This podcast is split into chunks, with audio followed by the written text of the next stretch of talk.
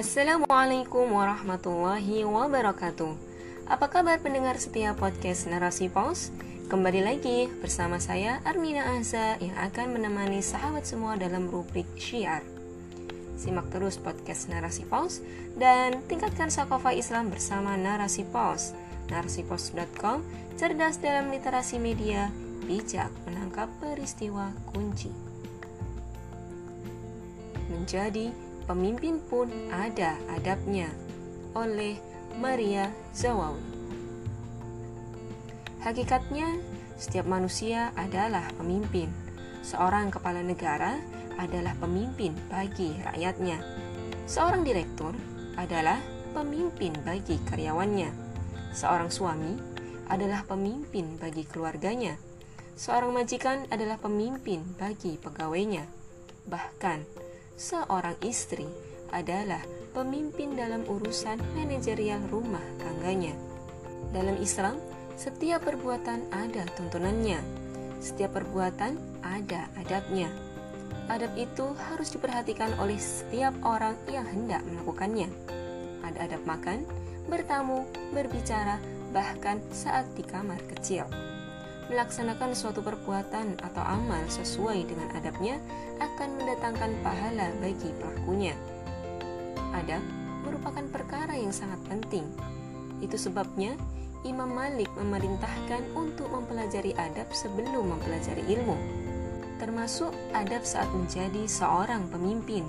Dalam sebuah hadis dari Abu Sa'id Al-Khudri radhiyallahu an, Nabi Shallallahu alaihi wasallam bersabda, Bersikap baiklah kalian apabila kalian memegang kekuasaan, dan berilah maaf atas kesalahan hamba sahayamu.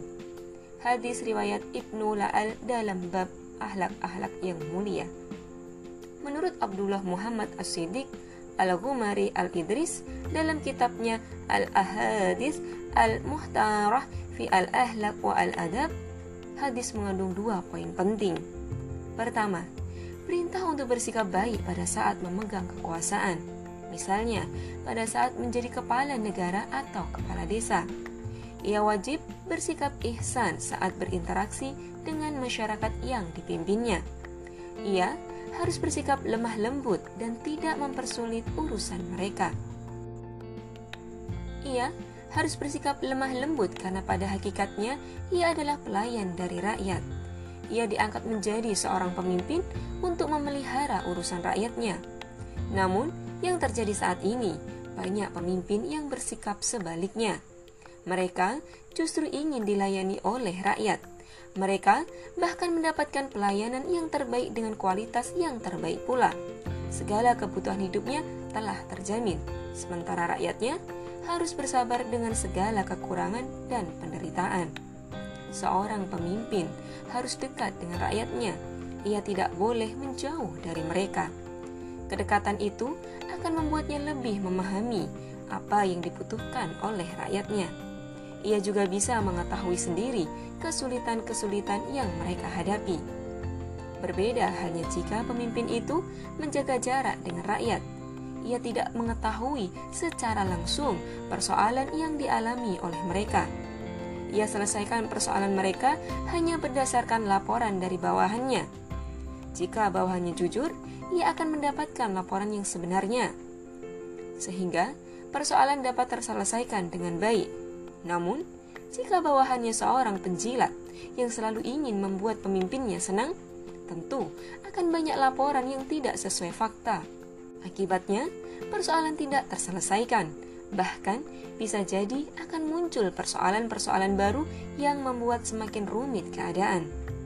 Seorang pemimpin juga tidak boleh mempersulit urusan rakyatnya. Dalam sahihnya, Imam Muslim meriwayatkan sebuah hadis dari Aisyah radhiyallahu anha bahwa Rasulullah Shallallahu alaihi wasallam mendoakan seorang pemimpin. Beliau Shallallahu alaihi wasallam berdoa, "Ya Allah, Siapa saja yang mengurusi satu perkara dari umatku, kemudian ia menyulitkannya, maka persulitlah ia.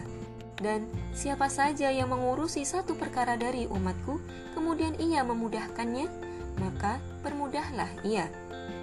Pemimpin yang bertakwa tentu akan merasa takut dan khawatir jika didoakan yang buruk oleh Rasulullah. Maka ia akan menjalankan amanahnya dengan baik agar didoakan yang baik oleh Rasulullah. Poin kedua dari hadis ini adalah bahwa jika seseorang memiliki pembantu, bawahan, karyawan, atau apa pun namanya, harus bersikap baik kepada mereka. Saat berinteraksi dengan mereka, ia harus bersikap lemah lembut, menghormati, dan memaafkan kesalahan mereka.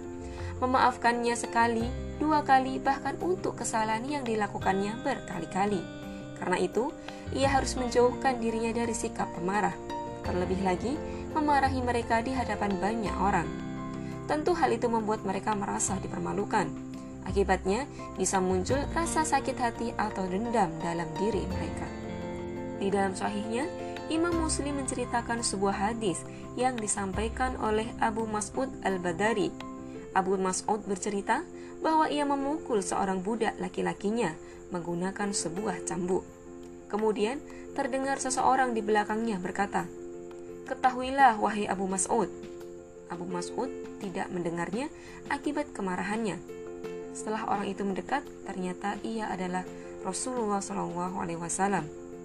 Kemudian Rasulullah Shallallahu Alaihi Wasallam berkata, Ketahuilah Abu Mas'ud, sesungguhnya Allah Azza wa Jalla lebih berkuasa atas budakmu ini dibandingkan dirimu. Maka aku berkata, Ya Rasulullah, dia bebas karena Allah Ta'ala. Kemudian Rasulullah bersabda, Seandainya engkau tidak melakukan hal itu, maka api neraka akan menyentuhmu. Dalam hadis lainnya diceritakan bahwa Rasulullah mengutus pembantu perempuannya untuk suatu urusan. Namun, ia datang sangat lambat karena saat berjalan pulang, ia menonton anak-anak yang sedang bermain. Hingga Ummu Salamah radhiyallahu anha menyuruhnya untuk segera pulang. Ketika ia datang, Rasulullah SAW bersabda sambil kedua tangannya menunjuk ke sebuah sikat. Demi Allah, kalau tidak karena takut kepada kisos Allah pada hari kiamat, aku pasti akan menyakitimu dengan sikat ini. Seperti itulah seharusnya gambaran seorang pemimpin yang baik, pemimpin yang memahami adab, pemimpin yang memahami bagaimana seharusnya ia memperlakukan orang-orang yang dipimpinnya baik itu pembantu, karyawan, ataupun rakyat. Ia harus menghormati dan memperlakukan mereka dengan baik. Dengan demikian, ia akan terhindar dari murka Allah Azza wa Jalla. Wallahu a'lam.